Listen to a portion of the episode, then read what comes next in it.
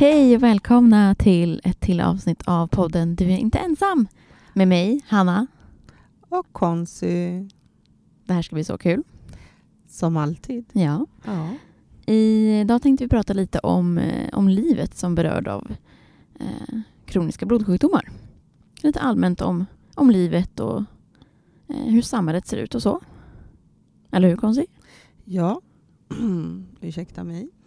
Ehm, absolut, det är um, tisdag morgon så jag är lite trött. Jag är alltid trött. Det är någonting ni måste lära er när det kommer till mig i alla fall. Mm. Alltid när man frågar hur Konsi mår så svarar hon jag är trött. Ja. Så är det. Ja. trött och kall, det är typ standardsvaret från Konsi. Ja. Mm. ja. Det är inte lätt. Men jag är, solen skiner, det är svinkallt ute. Det är Mm. ingenting att gnälla om egentligen. Men vi är här Mm. och ser fram emot dagens avsnitt Mm. också. Mm. Jag, är också, jag är också ganska trött idag. Jag har en, en liten ettåring hemma som eh, inte riktigt gör som jag vill. Lycka till. Han är, han är trotsig redan så att, eh, det känns eh, bra inför framtiden. Vi tänkte prata lite om livet som berörd av de här sjukdomarna. Mm. Eh, och många saker har ju de här sjukdomarna, sickelcellsjukdom och thalassemia. Många personer som är, har de här sjukdomarna har ju mycket gemensamt. Ja, det stämmer bra. Eh, Det kan ju vara smärtor, trötthet, många sjukhusbesök. Ja. Ehm, Så att, och många fall så syns inte den här sjukdomen, sjukdomarna. Ehm, Att man, har, att man har dem. Det blir kanske inte så tydligt som kanske med vissa andra sjukdomar. Ehm, Att man har en, det är som en, de kan vara lite osynliga sjukdomarna helt enkelt. Men påverkar livet väldigt, väldigt mycket. ja, det är ju ens vardag, Mm. i, om inte annat. Ehm, ja, som Hanna sa, de syns inte. Vi lever ju... Ja, jag måste ju säga då, då, när jag säger vi, jag tillhör ju en av de här ja, personerna som är berörd av sickelcellsjukdom. Och det här var någonting som jag inte tänkte att bösta ut om precis nu i början av eh, podden. Men sen samtidigt, det är väl bara ärlig. Ärlighet vara längst, sägs det ju. Eh, jag har själv sickelcellsjukdom och jag har haft det sen, eh, eller man fick reda på det när jag var sex månader gammal. Och på den tiden så bodde jag i Uganda. Jag är född och, växt, och han växte upp tills jag var tio år. Sen flyttade vi. Eller egentligen, som barn, man följer med som en liten Mm. resväska med föräldrarna. Mhm. Vart de än tar vägen. Så man har ju inget val. Nej. Nej. Eh, Jag föddes under Idi Amin, om någon av er, säkert ni äldre generationen vet vem han är, eller han var. Och ni yngre generation har säkert sett filmen Idi Amin, Dada. Eh, han var ju president i Uganda då. Och eh, på den tiden föddes jag. Och då blev min pappa tvungen att fly från Uganda. Ehm, och vi följde med. Vi hamnade i landet lagom, som jag Mm. alltid säger. Det är ganska trevligt att Ja. säga lagom. Bättre. Eller mellanmjölkslandet. Ja, jag tänkte att lagom är bättre än mellanmjölk. Men, eh, ja. Ja, men så vi kom till Sverige och jag hade, eller har fortfarande, min, eh, mina kusiner som då flydde hit också Mm. på grund av kriget Mm. och så. Ehm, ja, eh, Det som man kan eh, eh, tänka sig då är att flera som har de här sjukdomarna eh, har det här gemensamt med dig Konsi. Kanske inte att man behöver fly men att man, man flyttar helt enkelt från eh, eh, en del av världen till en annan. Ehm, alltså om man har de här sjukdomarna i Sverige. Hur menar du? Ja, precis. Att, Mm. ja, men det är ju inte många... Så här skulle jag... Ja, vi har ju pratat lite i ja, tidigare avsnitt då, om eh, att det är just... Eh, sjukdomarna berör ju folk som eh, kommer kanske från, ja, från malariaområdet Mm. och så. På grund av Precis. muta- mutationen som vi har förklarat, eller Hanna förklarade så fint. Mm. Eh, och så. Eh, men sen betyder det inte att det är bara just folk från Afrika Nej. som går omkring och har de här diagnoserna. De finns ju, som jag nämnde tidigare också, i Europa, egentligen över hela världen. Mm. Och Jo, men med tanke på hur världen ser ut idag, ja. ja. Ja. Mm. I vilket fall som helst, att ha sickelcellsjukdom är ingenting lätt. Men eh, eftersom eh, man föds med det så lever man ju i princip hela sitt liv med eh, eh, lagom stress i kroppen. Om jag säger så så tänker alla säkert så här, vad fasiken pratar hon om? Nej men alltså man är alltid, som jag sa innan, jag är alltid trött. Mm. Jag har ju, mitt HB ligger som bäst på, ja, säg kanske, för att vara riktigt snäll då, kanske 83. Mm. Och HB är då alltså, man skulle kunna säga blodvärde. Precis. Hemma Och konsi brukar ligga på kanske 83. ja. Och vad, vad ska man ligga på? Eh, Gärna som kvinna då, i, i sina bästa åldrar. För, kvinna i fertil ålder. Exakt. Nej, men då ska man ligga på gärna över 120. Mm. Och, så jag ligger ju väldigt lågt. Mm. Ehm, ja, men det, det är vad min kropp eh, har liksom accepterar. Mm. Eller vad min kropp lever med. Mm. och. Och det är ju liksom det vardagliga varje dag. Ja, Mm. så att ibland är det sämre. Ibland kan jag gå ner så lågt som 70 någonting. Mm. Och har man då anemi, som är då blodbrist egentligen. Och då innebär det ju att jag, jag går omkring med en enorm trötthet. Mm. Fatig som ni säkert också kommer att få höra om. Mm. Och så. så jag är trött jämt. Mm. Det spelar ingen roll hur många timmar jag sover. ehm, hur lite jag sover. Det är samma sak. Mm. Så det blir inte bättre. Nej. Och så. Och det är ju, om man pratar om, för det här är ju då exemplet från sickelcellsjukdom. Eh, så det här gäller ju flera som har sickelcellsjukdom, men även de som lever med talasemi. Som har eh, i princip kroniskt lågt blodvärde, kan man ju säga. Ja. Eh, så att många som lever med de här sjukdomarna är väldigt, väldigt trötta. Eh, Ja, Jag sitter och nickar. Är så, Mm. Jag är så konstig just nu men eh, jag sitter och nickar, instämmer till det Hanna säger. För att har man talasemi då ligger man till och med lägre än 80 i Mm. HB. Just hemaglobinet då. mm, Man kan ligga så lågt som 50, 54. Och de har ju mycket mera behov av att åka in på bestämda tider och få trans- blodtransfusion. mm, Så, och, eh, och det är deras vardag. Mm. Och så har de också enorma smärtor i kroppen som de gärna inte alltid vill erkänna att de har. mm, Eh, och så. verkligen. Mm. Så att, att vara kroniskt trött eh, hela sitt liv egentligen Ja. kan det ju handla om. Och det påverkar ju hur man kan jobba, om man kan jobba, vad man kan jobba med, Mm. gå skolan, lära sig nya saker. Så att den här, bara den här delen av trötthet för personer som har de här sjukdomarna påverkar ju livet. Och sen som du säger, det här med smärtor, det är ju ytterligare ett lager av saker som påverkar om och hur man kan jobba. Mm. Ehm, och det som jag, det som vi pratade om lite innan vi eh, började spela in här var ju det här med eh, just talasemi eh, och att många som har den här, eller en, en del som har den här allvarligare formen, talasemi major, Mm. eh, blir antingen sjukskrivna på deltid eller heltid eller sjukpensionärer rent utav. Ja. För att det är väldigt, väldigt svårt att jobba när man har fatig som är då den här kroniska extrema tröttheten.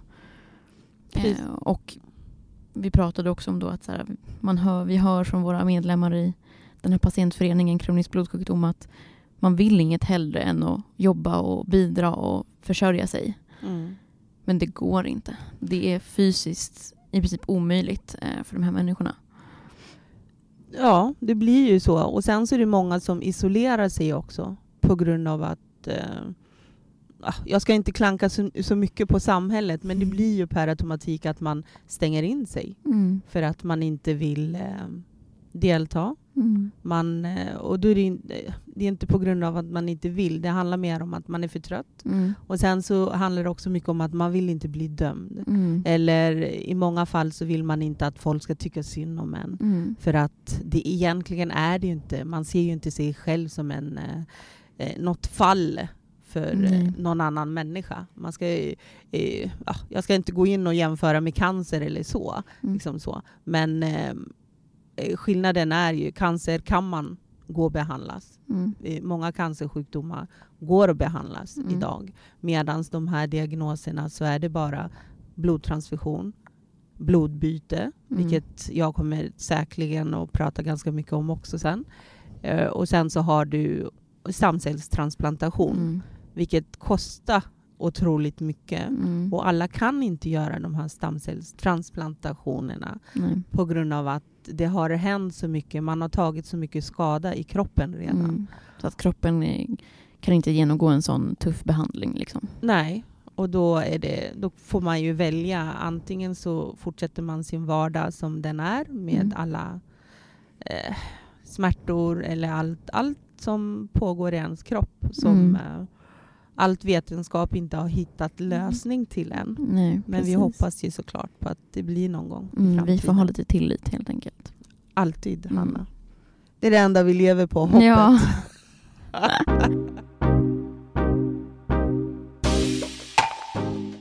Men och då liksom om man pratar om det här med förtidspension eller, sjuk, eller sjukpension och sjukskrivningar Mm. eh, kan ju bara den grejen också göra att man känner sig lite isolerad eller exkluderad från samhället för att man inte kan bidra eh, eller kan vara del av en gemenskap på en arbetsplats eller så.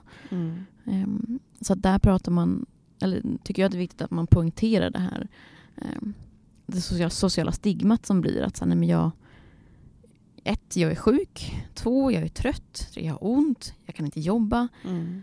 Det är många lager av eh, sociala, inte problem, men vad ska man säga, ja, man, känner, man, man känner sig exkluderad från samhället för att man har, lever med så många olika eh, intersections av eh, problem helt enkelt. Mm. Och då har vi inte ens pratat om det här med liksom hudfärg och ursprung. Hur Nej. det påverkar hur man blir bemött i samhället.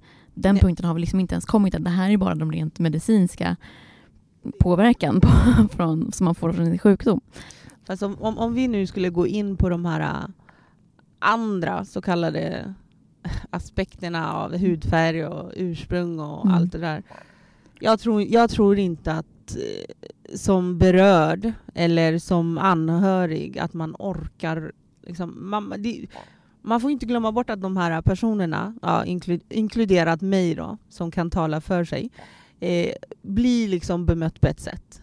Och sen, man har inte den där extra kraften att lägga på. För det samhället vi lever i är ganska hård idag. Mm. Eh, och sen är det väldigt snabbt. Allting ska ju gå så himla snabbt. Mm. Och det, tyvärr, vi, vi kan inte den takten. Och Nej. jag tror inte vanliga människor, och då menar jag friska Mm. personer, heller klarar av det. För, för att det är ju många som blir utbrända. Mm. Alla ska ju vara experter i allting idag. Mm. Eh, och för oss så känner vi ju att bara kliva upp en morgon, det är, ju, det är som att springa en maraton fem gånger. Mm. Och hur kul är det? Mm. Och en maraton är ju trots allt fyra mil. Mm. Liksom. Det, Lite mer till och med. Ja, ja, jag har aldrig gjort det. Jag Nej, nej. Inte. Ja, däremot så skulle jag kunna tänka mig att gå. Självklart. Jag, jag, Mm. jag gillar att gå. Det är min eh, bästa motion. Mm. Och sen gillar jag att gymma. Det här, är- Mm. det här är viktig information för Mm, er att veta. Mm. Liksom. Det är ett sätt för mig att hålla mig eh, levande och glad. För man kan inte... I, i, när, som jag brukar säga, när, när samhället eller ens egen kropp gör uppror varje dag Mm. så måste man själv göra uppror för att må bättre. Mm. Verkligen. Mm. Men det som jag tänker på spontant när du säger det här att man varje dag är en kamp mot Mm. sin sjukdom eller med sin sjukdom. Mm. Att man då också ska behöva ta kampen för att behandla mig på lika sätt som du behandlar andra människor i samhället. Mm. Eh, om man möter en läkare som eh, uttrycker sig diskriminerande eller rasistiskt eller, eh, eller så. Kanske man inte alltid orkar ta den kampen för att man kämpar med så mycket annat som har att göra med sin sjukdom. Att Mm. man tänker, jag tar kampen för min sjukdom, jag orkar inte det här. Eh, p- försöka ta kampen om att man ska bli behandlad rättvist utifrån hudfärg, ursprung, kultur, religion. Alltså det, man Ja. kanske inte orkar. Nej, det, det är inte kanske, man orkar inte. Det Nej. enda man vill ha när man kommer till samhället eller träffar de här doktorerna, sjuksköterskorna, Mm. ja, det kan vara alla möjliga. Jag kan berätta stories där jag har fått höra så mycket skit så att till slut så har jag bara känt så här, vet du vad? Jag är så glad att jag lever och mår bra. Mm. Jag kan skratta. Jag undrar hur bitter du är som Mm. människa som måste lägga din lilla bekymmer på mig. Mm. och så. Men det är ju inte alla som kan vända det så. Nej. så att, eh, och det, Nej. Ja. Det jag tänker på när du säger att man, man orkar inte ta det, nej. är ju att du sitter ju här och pratar om det. Ja, ja, ja. Men Så jag, du, du är ju, och du pratar ju ganska mycket om det liksom och så startade den här patientföreningen. ja, det var inte bara jag. Nej, nej, Men- men, du var en del av det liksom. Så, Ja, ja. Men du har ju ändå, liksom trots allt det här, fortsätter du försöka förändra samhället eh, till det bättre för de här patientgrupperna och liksom tar kampen för alla. För att pratar man om diskriminering i sjukvården för de här patientgrupperna så pratar man om det för alla patientgrupper som blir diskriminerade på grund av hudfärg, religion, ursprung och så vidare. Ja, ja, att- även sjukdom i sig. Ja, ja. Det är liksom, för man får, man, jag, jag tror liksom inte att man ska ta det så stort. Man kan liksom försöka minimera det. Mm. Alla, alla diagnoser bär ju med sig någon liten diskriminering. Mm. och så. Även om det behandlas eller inte Mm. så har den ju med sig. Mm. För nu, nu miss, miss, misstolka mig rätt. Alla som studerar som läkare, det är säkert inte, de är kanske inte ämmad för att bli doktorer. Nej. Det är ju så i samhället. Det tar ju tid innan alla hittar det de egentligen Mm. är satta på planeten jorden för att göra. Mm. Vissa finner det i tid, Mm. vissa gör det inte alls. Nej. Och, så. och då råkar du då, då i det här fallet kanske bli sjuksköterska. Mm. Och så hamnar du i en eh, grupp med patienter som du absolut inte har någon aning om Mm. eller koll på deras diagnoser. Men du vet att okej, eh, ja, sal 8 ska ha det här och det här. Då går du in och gör det. Men du gör inte det med hjärtat. Mm. Utan du gör det för att du har en hyra du ska betala. Mm. Ja, Det- absolut. Ja. Och det är tragiskt att behöva säga det. Mm. Men eh, återigen så är alla vi är ju människor i grund och botten. Vi Mm. ser ju kanske inte lika ut. Men eh, skalar vi upp oss Mm. så är vi exakt samma, ursäkta språket. Jag verkar gilla att svära. Mm. Samma skit tänkte jag Mm. säga. Men himla inte med ögon. Nej, men det, och, och det är viktigt tror jag att man eh, bär med sig. Mm. För det, kan, det behöver inte bara vara sjukvården. Det Mm. kan vara skolan, Mm. en elev som inte dyker upp, Mm. är borta mycket från sina studier. Mm. Det, det påverkar. Mm. Och då måste ju...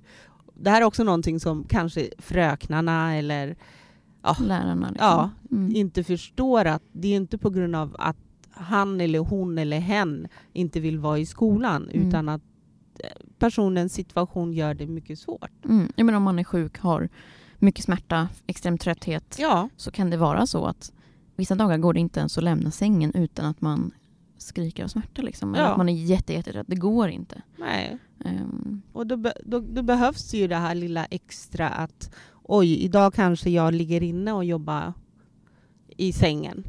Eller Mm. jag har lektioner via, ja, tack vare pandemin får Mm. jag väl säga. Jag kör lektioner via Teams eller Mm. Zoom eller, och kan delta. mm. Och det här är ju, det har, om man tänker sig Australien, Mm. ja, nu lämnar vi Sverige. Men i Australien så har de ju så här homeschooling. Många länder har ju Mm. homeschooling. Och då är kanske mamman där och hjälper Mm. till lite. Men att eleven är med på lektionen Mm. via antingen radio eller eh, Zoom eller Mm. Teams eller vad det kan vara för Mm. hjälpmedel. Så. Och det tror jag ibland, jag hade ju önskat när jag var yngre Mm. att jag hade den möjligheten att kunna delta 100 Mm. procent. Verkligen. Men- är det, det ökar ju verkligen till, tillgängligheten för personer som lever kanske med kroniska blodsjukdomar eller Mm. andra sjukdomar eller tillstånd som gör att det är svårt att kanske gå fysiskt till skolan men att man skulle kunna vara med på lektionen men att gå till skolan, sitta upp Ja. bland andra människor eh, är svårt. Och då att man kan då ligga i sängen och vara med på en lektion. Det är ju Mm. jättebra. Ja, det är en väldigt bra lösning. Mm. Men i Sverige så har vi ju till exempel, ligger man inne på sjukhuset som barn, då kommer ju lekterapin som då ja, har möjlighet att hjälpa till med eh, skolarbeten. Föräldrarna eller syskonen kan ta med böckerna eller, ja, det, och de uppgifterna som Mm. man ska liksom leverera Mm. och så. Men, ehm, ja. Men ja, tänker bara åter till det här liksom hur livet kan vara som berörd av de här sjukdomarna. Att det, vi pratar mycket om att det nu att det kan, det kan vara väldigt jobbigt. Man Mm. åker in och ut på sjukhuset, man kan bli sjukskriven och eh, sjukpensionär. Liksom. Ehm, och det gäller ju för liksom båda de här diagnoserna. Men om man pratar specifikt om just sickelcellsjukdom eh, för där är det kanske inte lika vanligt med att man blir sjukpensionär som jag har förstått det. Ja, det stämmer. För att där är det ju... Jag menar...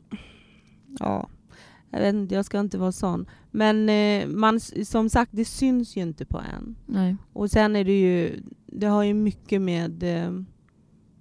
Eh, ja, vad ska man säga? Jag, jag, kan, jag lever ju väldigt normal. Alltså, Mm. Jag lever en, en normal samhälle Mm. och så. Och sen har jag aldrig tillåtit att min diagnos ska trycka ner mig. Mm. Men eh, det gör ju det. Mm. Eh, och så. Men varför? Jag- Jag tänker på just om talasemipatienter i- som lever med en allvarlig form oftare blir eh, sjukpensionärer. Medan för sickelcellsjukdom så är det inte sjukpension lika vanligt. Nej, det, det, jag tror nog det handlar mycket om att eh, eh, talasemipatienterna har ju mycket lägre eh, HB. Mm. Och De har att ett sämre blodvärde. Ja, precis. Det har de. Och sen så syns det på dem, inte alla, men eh, det syns också mera tydligt i deras ehm, kanske drag och så. Vad menar du då? Alltså utseendemässigt så kanske vissa av dem kanske inte eh, växer. Mm. Eh, så de, det, alltså kroppen utformas inte helt så som den borde. Mm. Många kanske inte växer till en viss längd. Alltså, det kan vara karar då, då men att de blir kortväxta. Mm. Eh, och sen så kanske ansiktet kan vara lite deformerad. Mm. Eh, då skelettet inte hänger med eller så växer ske- skelettet för fort Mm. och så. Men det ska också säga att det här gäller, gäller ju inte alla. Det är väl främst om man har en lite inte rätt behandling eller inte tillräcklig behandling som sjukdomen kanske börjar synas. Precis. Det är så. Mm. Så det är inte... Och det här är liksom generellt. Vi pratar generellt. Så Mm. att ni får inte ta allt jag säger bokstavligt. Mm. Förutom de sakerna jag pratar om mig själv. Mm. Det Ja. kan ni ta bokstavligen. Mm. Men just liksom det här med sjukpensionen, att, eh, att leva med talasemi, det är ju mycket om det här med den här ex- extrema kroniska tröttheten. Ja. Eh, Medan för sickelcellpatienterna så går det kanske lite mer upp och ner i skov, att man mår bättre en period En- och sen sämre. Det är inte bara att man mår jätte, jätte dåligt hela tiden som det kanske är med talasemi. Nej, precis. Mm. Men sen har du, det är också samma det här med när man pratar grader, liksom, hur, hur, då, hur pass dålig Mm. kan man vara i sin sjukdom. Mm. Det är också uppdelat inom sickelceller. Mm. Du har ju de som absolut inte känner någonting men har samma liksom, benämning på Mm. diagnosen. Och så. Absolut, det är ju väldigt individuellt. Ja, precis. Och i Sverige finns det inget register för de här sjukdomarna. Så, så det finns inte någon statistik att komma över heller som, eh, eh, som man kan liksom dra lite generella liksom, tankar kring. Så det finns inget register eh, alls i Sverige. Och det är också någonting som vi eh, har försökt jobba lite med, men det är också lite motsträvigt. Allting är, det blir ju väldigt byråkratiskt allting Mm. i slutändan. Och det är liksom... Ja, Det är svårt. Ja, det är väldigt svårt. Det är mycket kostnaderna och sen måste det ju finnas någon där ute som känner att ja, men det här är någonting att satsa på och det är viktigt. Mm. Och när vi tar upp det här med registret så handlar det om att med ett register så kan vi få bättre läkemedel, Mm. bättre behandlingar. Mm. Men när vi inte, känner, när, det, när vi inte har siffrorna så Mm. kan inte till exempel vissa doktorer, eller för, för övrigt så kan man ju inte ta in bättre behandlingar. Nej. För det finns läkemedel i världen Mm. och då är det ju kostnaderna och eh, sen så har vi inte siffror Mm. på... Och det man behöver register till i det fallet är ju för att om vi vet att det är, nu säger vi 250 personer med den här allvarliga formen av thalassämi. Mm. Så vet vi att okej, det är 250 personer som behöver den här eh, behandlingen, den här Ja. medicinen eller som är, skulle kunna få den. Precis. Och då kan man motivera det och räkna ut kostnader och fördelar och så. Ja. Men finns det inget register då är det ja, vi uppskattar så här mycket men det går inte att säga och då är det svårt för regionerna eh, att, att köpa in ny medicin och ta beslut om vissa grejer. Jag kommer ihåg när man, när man plötsligt gick från nu ska vi liksom centralisera vården. Mm. Eller vi, vi, vi bryter landet i flera olika regioner Mm. och sen så får regionerna ta hand om sitt. Mm. och så. Men politiken är ganska rolig tycker jag, för det, blir, det har liksom blivit potatismos av Mm. allting känns det som. Mm. Ja, att det är väldigt också olika inom, eller mellan de olika regionerna. Ja. Ehm, att det liksom tillgången till, eh, om man pratar i Stockholms region till exempel, så är tillgången till ny medicin och forskning mycket bättre eh, Ja. för patienter med olika cancerdiagnoser och kroniska blodsjukdomar. Mm. Ehm, men om man jämför med till exempel eh, vad var det, Västerbottens, eh, Västernorrlands region så är tillgången mycket, mycket sämre. ja. Så eh, där är ju också en fråga liksom att prata eh, alltså, Nej, det är någonting som behövs. Jag, jag tycker någonstans man, man måste ju... Liksom, vill man göra det bättre för folket eller vill man göra det sämre för Mm. folket? Det är det det handlar om. mm, Och sen handlar det om hur mycket pengar finns det i mm, de här olika, olika regionerna. mm. Jag, Eh, jag tror också att det handlar om tur. Vilka människor sitter på vilken plats och vilka, vilka intressen har de? ja. Om det finns, om det sitter fem av tio personer i ett rum som tar beslut om budget och Mm. alla har, eller de här fem personerna, fem av tio har en nära anhörig med en cancerdiagnos Mm. så är det ganska naturligt att det kanske blir lite mer fokus på cancerdiagnoser. Eller om man har, alla har barn i det här rummet, det kanske blir lite naturligt att de har ett större intresse för barnfrågor. Mm. Och så vidare. Och så vidare. Så att jag tror att det kan handla lite om ja, men, den mänskliga faktorn helt enkelt, det mänskliga intresset. Att man tycker att det som är nära en är mest spännande. Vilket, ja, det, det är ju självklart är det så. Mm. Men eh, ja, jag vet inte. Jag, jag, jag, personligen så tycker jag det, det, det politiken är riktigt... Eh, det är boven i alla problem vi Mm. har i världen. I'm sorry. Det är både boven och lösningen. Liksom. Det är, ja, men, Man kommer inte runt det. Liksom. Nej, man gör ju inte det. Men eh, om man då söker vård, Mm. på, om man söker akutvård Mm. till exempel, som eh, om man har sickelcellsjukdom Mm. och får ett sånt där smärtskov som vi pratade om i första avsnittet.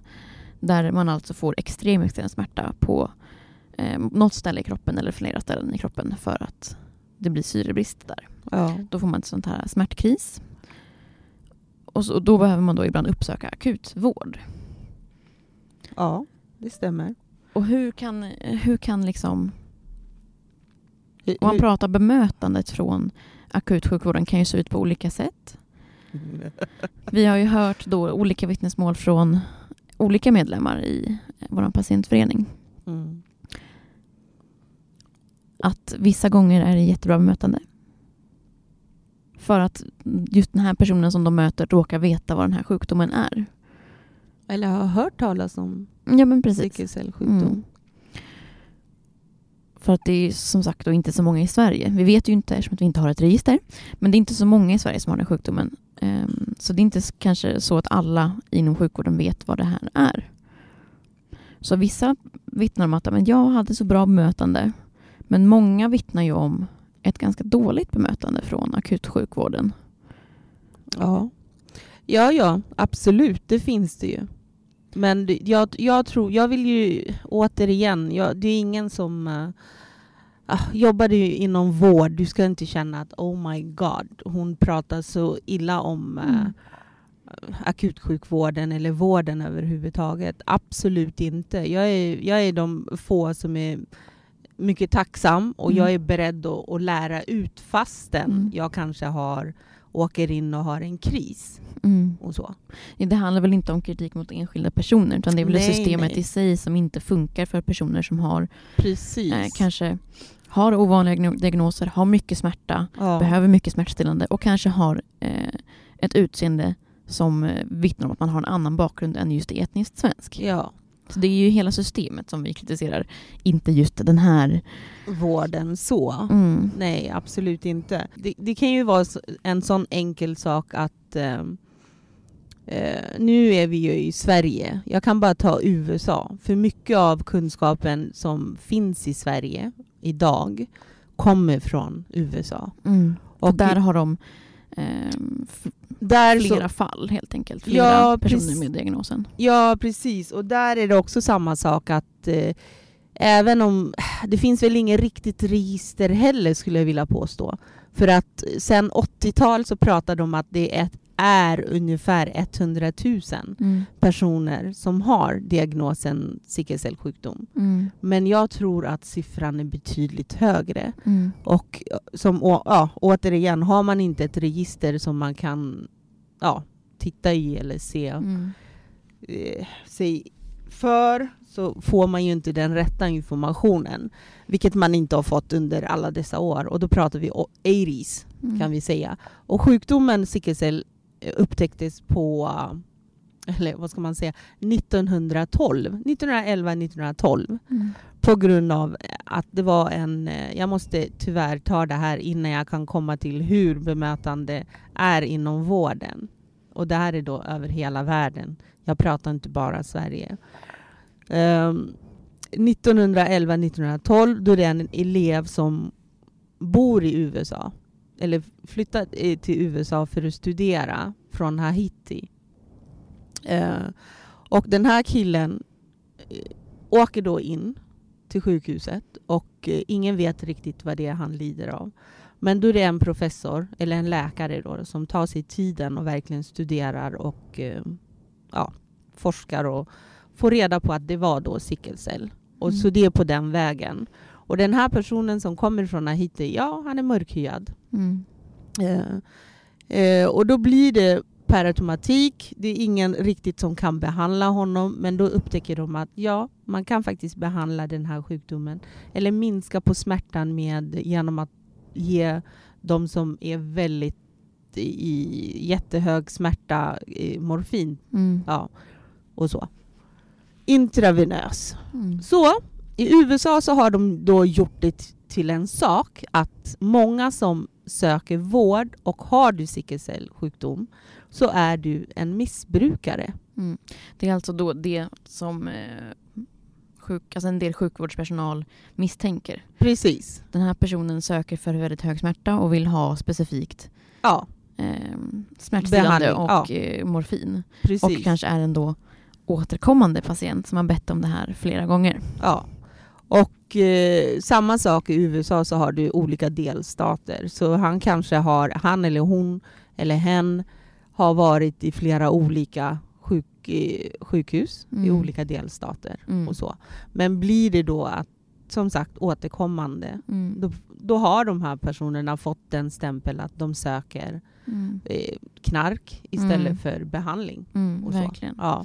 och det är jättetragiskt för att det är många, det, det går liksom inte att beskriva de här eh, smärtorna Nej, man får. nej. Och eh, Att man då i det här smärttillståndet måste bemöta de här fördomarna som finns om att det här är en person som bara söker knark. precis. ehm, är ju så oerhört svårt att hantera. Liksom. Ja. Ehm, och där, liksom, där till att man...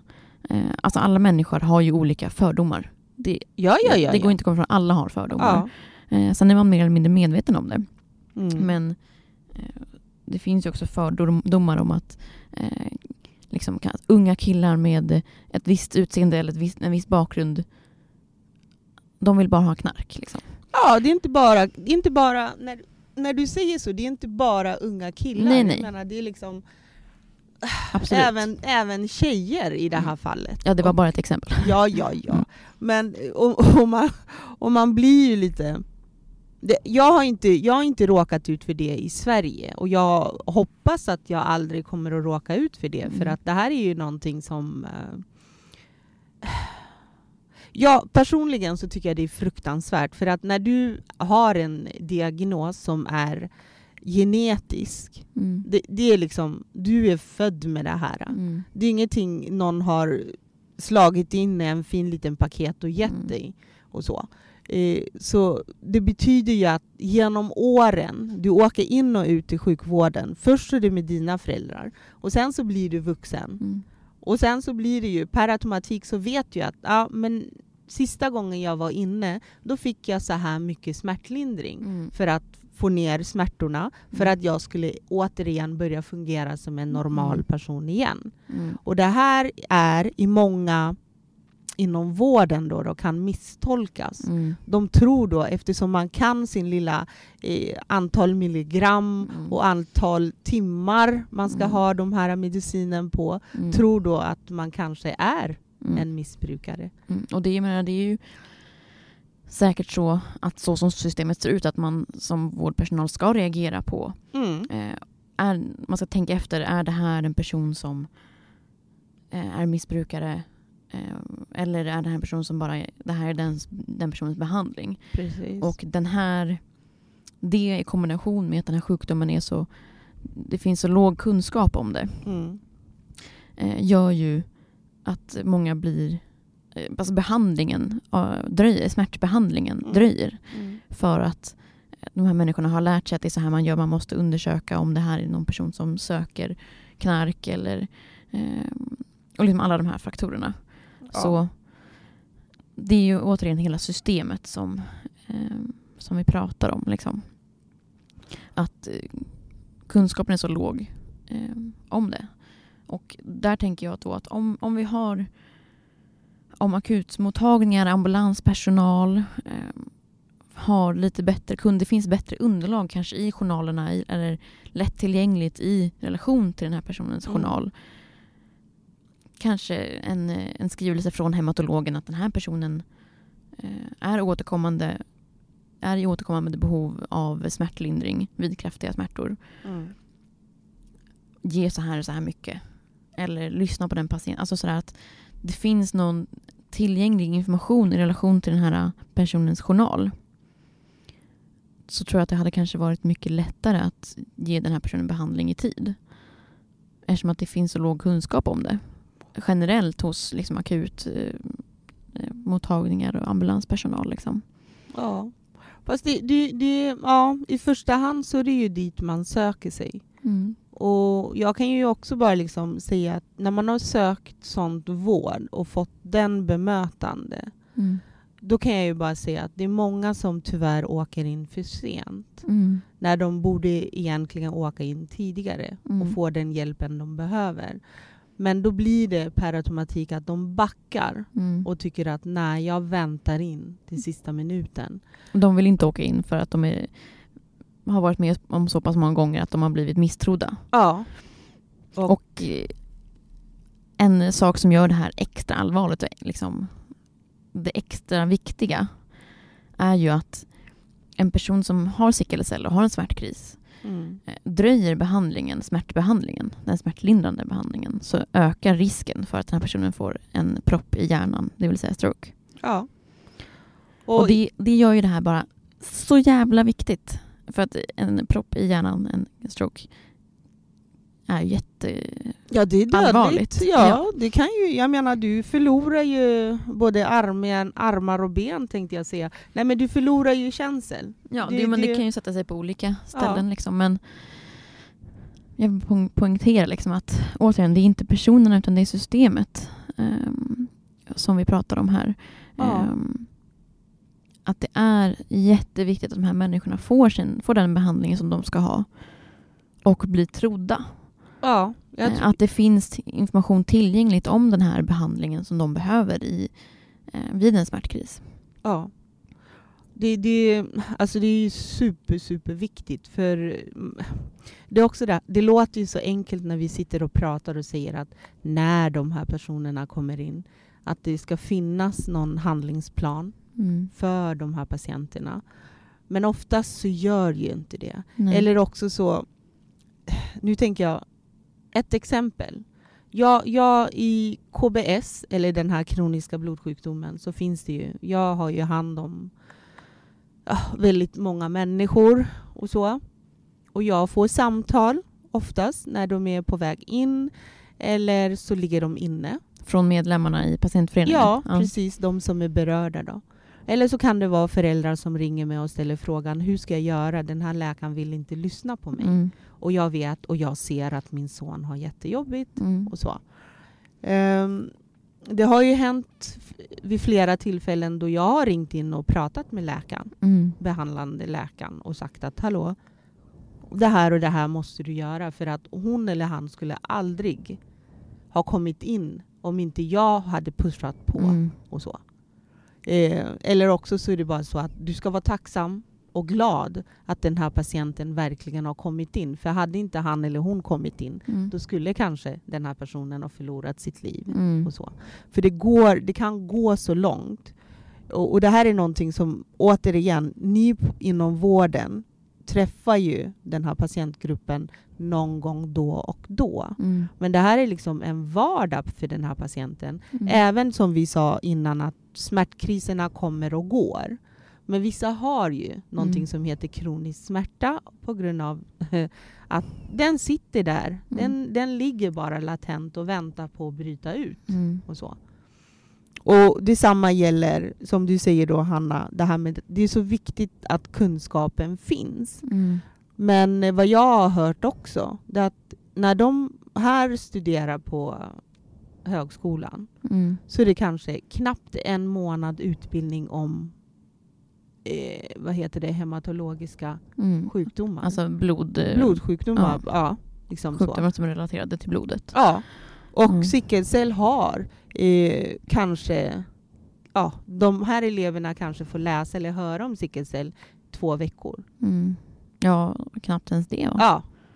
Och Jag det, har hört, det är också olika från olika, vilken lärare man har och ja. vilken, vilken eh, skola man går på såklart, eller vilket universitet. Men eh, någon har jag hört, ja men det var två meningar om sickelcell. Och jag förstår att man kan inte gå igenom alla, alla, alla diagnoser. Nej. Men materialet måste finnas tillgängligt om det är så att den här personen som jobbar kanske på akutsjukvården eller inom på vårdcentralen så måste det finnas den här informationen tillgängligt. Ja. ehm, för att man ska kunna få sig en bild av okej, det här, den här personen det här är andra gången på ett halvår den här kommer, personen kommer in och ber om morfin i den, Mm. här, den här dosen. Mm. Nu förstår jag varför. Precis. Och det, och det är jätteviktigt. Jag menar, och sen självklart, vi bor i Sverige. Det är inte så många människor som har den här diagnosen. Men det, jag tycker inte, för mig så räcker det inte att säga det jag sa precis, vi bor i Sverige, det är inte många som har diagnosen. Och så. Mm. Det finns väldigt många som har ovanliga diagnoser Mm. och ingen känner till dem. Mm. Sällsynta diagnoser Mm. Eh, som också där, det är samma, samma problem, ingen känner till. Mm. och så. De lider också.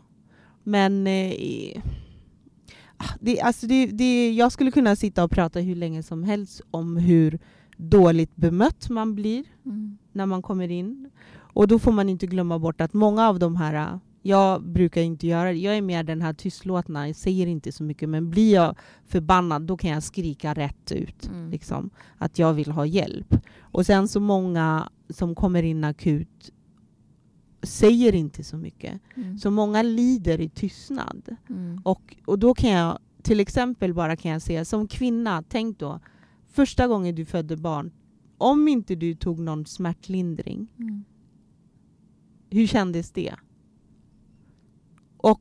Jag kan säga så här, de här smärtorna, det går inte ens att jämföra med barnafödande. Nej. Du kan liksom räkna med att det bästa jag brukar säga är att om, om du som vuxen har haft tandvärk någon Mm. gång, vad gjorde du då? Jo, du ringde, alltså du ringde folktandvården Mm. eller så ringde du och bokade tid för att antingen dra ut eller laga tanden Mm. och illa kvick. Mm. Och då kan du tänka dig sickelcellssmärtorna gånger 20 Mm. den smärtan.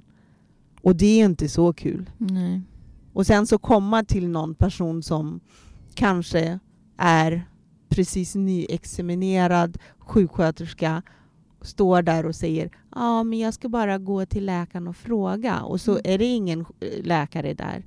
Och så är det kanske en jourläkare. Mm. Eller också så är det så ST-läkare som håller på att bli läkare Mm. som har hört lite om sicklecell Mm. eller vet absolut ingenting. Mm. Men du poängterar gång på gång, titta i min journal, Mm. läs min journal. Och det är ingen som visar intresse om att okej, jag går iväg och kollar din Mm. journal.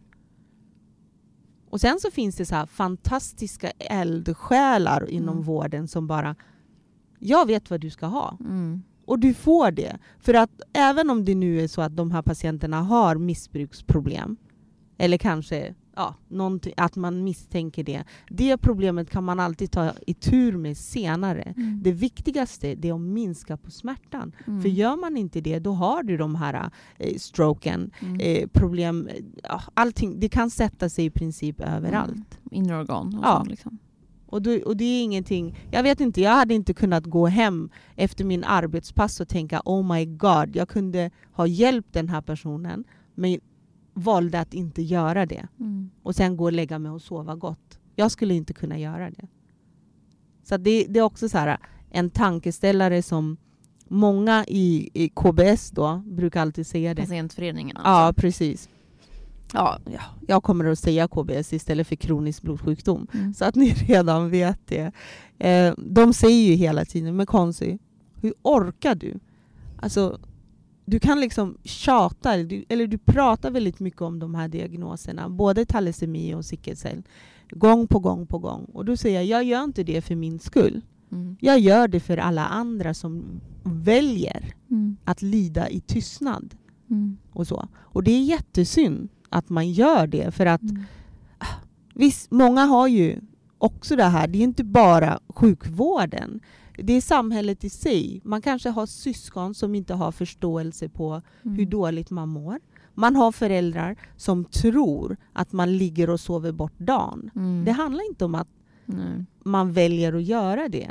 Så det är åt, alltså allting reflekterar ju Mm. eh, hur ens mående är. Mm. Och jag har valt att nej men jag, så länge jag har min lilla röst så kommer jag fortsätta prata om både sickelcell och talasemi. Mm. För att jag tycker det är viktigt. Jag tycker det är viktigt att eh, eh, lärarna har kunskap om det i skolorna. Jag tycker det är viktigt att kommunerna i den kommun man bor eller i den eh, eh, kommun där man är verksam, att man också har koll Mm. på att okej, den här personen mår så någon Mm. gång då och då. Eh, eller också bara eh, om man tänker sig vården är ju nummer ett. Mm. Men det är inte bara där vi fungerar. Nej, Vård, nej. Och vården kommer man till någon gång. Och sen är man tillbaka till sin lilla community. Mm. Och då kan man som sagt välja att stänga in sig. Mm. Eller så väljer man att säga ja, jag mår så här ibland och det är Mm. ingenting jag kan hjälpa. Men alla andra runt omkring kan hjälpa Mm. Ja, alla behöver inte heller veta alla detaljer, precis exakt Nej. vad det är och mm, liksom vad man kan, vad det beror på, bla, alltså alla de här små detaljerna. Nej, nej. Det man kan liksom försöka se till är ju att folk vet att så här, okej, men den här personen har en sjukdom som gör att ibland är väldigt trött, ibland har ont eller är trött hela tiden Mm. eller vad det nu kan vara. Mm. Ehm, men det är också därför vi sitter här och pratar om det, för att vi vill ehm, öka kunskapen och öka framförallt kanske också engagemanget för de här sjukdomarna Mm. och för allmänt ovanliga och sällsynta diagnoser. Absolut. Ehm, För att jag, menar, alla, jag förstår att alla läkare och sjuksköterskor kan inte ha koll på precis varenda liten diagnos. Nej. Men tillgången till information om den här, de här diagnoserna måste vi öka. Mm. Jag, jag tycker ju det, Mm. absolut. För att det, det är en del av... antingen är man en del av eh, problemet eller också så väljer man att vara en del av lösningen. Mm. Liksom så. Det är inte svårare än så. Mm. Och jag väljer alla dagar i veckan liksom att vara en del av lösningen istället för att bara stå och säga ah, men det är ingen som förstår mig, det är ingen Mm. som eh, vill hjälpa mig och så. Mm. Och sen och att det är också det här, vi, vi pratade om sjukskrivning eller förtidspensionering eh, och så. Där är det också, man blir väldigt illa bemött av de som jobbar till exempel inom Försäkringskassan. Mm. För att där har vi också, de har ju sina egna doktorer som ska göra bedömning om Mm. hur en sickelcellpatient mår Mm. eller hur en talasemipatient mår. Mm. Men de är inte den behandlande läkaren. Nej. Så att, och det är också återigen ett, ett problem som vi Mm. har som återigen, politikerna måste också öppna ögonen och liksom Mm. tänka hur ska vi behandla det här? Eller hur ska Mm. vi gå tillväga för att ändra eller rätta till? Mm. Vissa Just när det saker. kommer till ovanliga diagnoser. Eller? Ja, nej, inte Så. bara det. Mm. Även inom cancervården så finns det ju cancerpatienter som kanske fortfarande håller på att genomgå sin cellgiftbehandling Mm. men blir så illa, så, så dåligt bemött för att de fortfarande inte kan gå till Mm. jobbet. Mm. Eller kan liksom inte eh, Mm. göra det de normalt är vana vid att Mm. göra. Och så. Och då måste de ju vara sjukskriven. Så att det, det, är, ja, det är mycket som... Livet som berör de här sjukdomarna kan vara väldigt tufft men det kan ju också inte vara det. Nej, det kan, det kan bli bättre. Ja, ja, men, men alla, livet är inte skit bara för att man har de här diagnoserna. Nej, jag det är menar... så här, jag, det, vi har varit ganska negativa nu. Känns det så? Ja, ja, men Nej, lite... Ja, men det är inte, det är inte bara eh, rain on my parade varje dag. Absolut Mm. inte. Jag menar, jag, jag, du, när, när du säger så, då blir jag lite så här, hmm, Hanna, du som umgås med mig, Mm. typ Jo, jo, men, jäm- alltså, ja, men jag vet ju, men jag tänker de som lyssnar kanske inte vet. Vi pratar om att det är dåligt och man blir inte bra bemött, men ja. det finns ju också, som du sa förut, eldsjälar och Ja, folk ja, som är ja. jättekunniga och jätte liksom, ödmjuka ja. och så. Ja. Ehm, och jag menar, man har inte, man är inte så här, har inte så superont jämt. Man har inte, Nej. behöver inte, alla behöver inte åka in en gång i veckan eller så. Nej. Utan det kan ju också bara vara så här, ja, jag har den här sjukdomen och det är okej. Ja, ja, precis. Och då, då pratar vi lite om stigmat också. För det är, väl, det är enorm stigma inom den här, Mm. ja, vad ska man säga, diagnoserna och så. För ingen vill säga ja, men jag har den här. Och många väljer ju att inte berätta om sin diagnos för att återigen, då ska man sitta och förklara vad det är. Mm. Och ibland som Hanna sa nu då, det kanske räcker med att man säger ja men jag har det här och det ter sig så. Och that's it. Mm. Låt mig då vara. Mm. Blir jag sjuk eller känner jag att det, ingenting fungerar, då vill jag jättegärna att du eh, hjälper till Mm. så gott du kan. Verkligen. Ja. Och det här är en grupp som aldrig ber om hjälp. Så Mm. mycket kan jag säga. Mm. Och det är mycket mer att man får pusha dem och säga kom igen nu. Mm. Liksom. Så att, eh, men sen finns det ju, som du säger återigen, det finns ju fantastiska människor. Jag har träffat så många ah, Mm. bra människor där ute som skulle kunna göra, liksom, bära jorden för Mm. mig. Och så. Och det, ja. Det är fantastiskt också. Ja, ja, ja. när, man, när man är liksom ute och träffar mycket berörda människor eller när man träffar eh, personer inom sjukvården. Ja. Visst, man träffar några som är, inte har så mycket empati. Inte, rötäggen. inte, inte, ja, men precis. eh, men man träffar ju också de här fantastiska människorna som är oerhört kunniga och intresserade, engagerade för att förändra eh, på samhället på det sättet som vi gör också. Mm. Så att eh, det är ju bra också. Ja, det är det. Mm. Så att för att sammanfatta den här långa eh, diskussionen så, Ja. eh, så livet som berörd av de här sjukdomarna kan ju vara det kan vara jobbigt, det kan, man kan vara trött, man kan känna sig diskriminerad. Men det kan också vara bra, givande och eh, man kan träffa så mycket härligt folk. Liksom. ja, det är väl så med allt i livet. Man får väl ge alla en ärlig chans skulle jag vilja påstå. Tycker jag. Mm. Eller? Ja. Jag tycker det. Mm. Ja, Jag försöker alltid i alla fall. Ja, men det är klart, Ja. man försöker ju. Men sen är det, blir man ju Ibland blir man lite cynisk och bitter och bara känner att livet är så. Men sen så kommer man upp igen och känner att nu försöker jag ge en chans. och så. Det Ja. går väl lite upp och ner det där för alla. Ja, det gör ju det. Jag, jag, jag har tänkt mycket, det här är ganska, det är så här, "Huh, okej. Jag får alltid höra saker från folk. Så fick jag höra i förrgår av eh, en väninna till mig. Där hon satt och ah, jämrade sig och beklagade sig. Och, och jag hade tid och ork att lyssna på det här. Jag vet inte ens varför. Men men. Så då säger hon så här till mig, men Konsi, hur mår du? Efter när vi hade pratat i 40 minuter. Och då så skrattar jag och så säger vet du vad? Det här är kanske ingen bra grej att säga.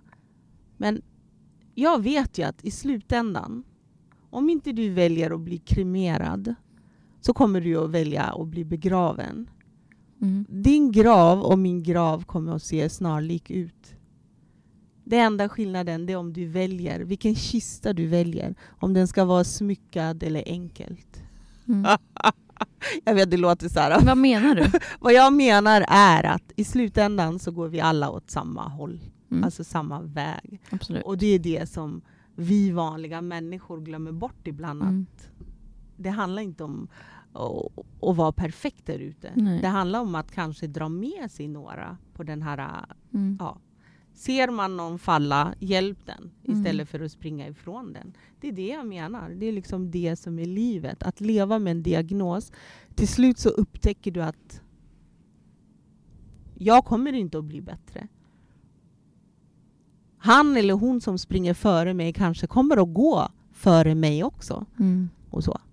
Så att, men som en frisk person så tror inte jag folk tänker så. Nej. Jag har ju tyvärr blivit tvungen att börja tänka att ja, imorgon, går jag upp imorgon så är det fantastiskt. Mm. Gör jag inte det, oh hell shit no. Va, Mm. Vad var det som hände? Mm. Men det gör inget. Det är liksom eh, Det är tragiskt men samtidigt är det positivt också. Att bara Mm. veta att Alltså vi är på samma planet, samma sketna planet. Mm. Och så gör vi allt för att förstöra för varandra. Mm. Ja men verkligen. Så onödigt. Ja. Så är det. Mm. Men men. Vi kommer, ni kommer få höra mer från oss. Och jag lovar nästa gång jag ska försöka inte vara så döda the mood som. Hanna säger. Men ibland måste man det Ja, ja. för att eh, folk ska förstå. Mm. Det är allvarliga saker vi pratar om ibland så får det bli lite allvarligt. Liksom. Ja. Det, är inte, det är inte mer än så. Nej. Men ehm, ja, det här var väl ett samtal lite om samhället. Ja. Ganska mycket, systemet. Eh, och, Väldigt hur, mycket systemet. och hur man kan må i det systemet när man är påverkad av den här diagno- eller berörd av de här diagnoserna helt enkelt. Ja. Men eh, vi tackar jättemycket för att ni har lyssnat. Det är väldigt kul och få givande att få prata så här eh, lite ärligt om hur, eh, hur det kan vara helt Mm. enkelt. Så kommer det ett till avsnitt ganska snart. ja, det kommer du att göra. Mm. Och, vi, och vi är ju super, super tacksamma att få göra det här. Mm. Och det är ju tack vare... Allmänna arvsfonden. Yes. Mm. Så det här är ju inom ramen för det här projektet då. Som heter Du är inte ensam. Precis Ja. samma som podden. Ja. Som drivs av Blodcancerförbundet och eh, patientföreningen Kronisk blodsjukdom, KBS. Stämmer bra. Som en tack för idag Konsi. Tack själv Hanna. Mm. Så, ja vi hörs ju nu. Men ni andra som lyssnar så hörs vi om några veckor. Yes. Glöm inte bort oss. Vi, Mm. vi finns där ute. Verkligen. Följ, följ oss på Instagram och eh, Facebook. Kronisk blodsjukdom heter vi. Ja. Hej då! Hej då!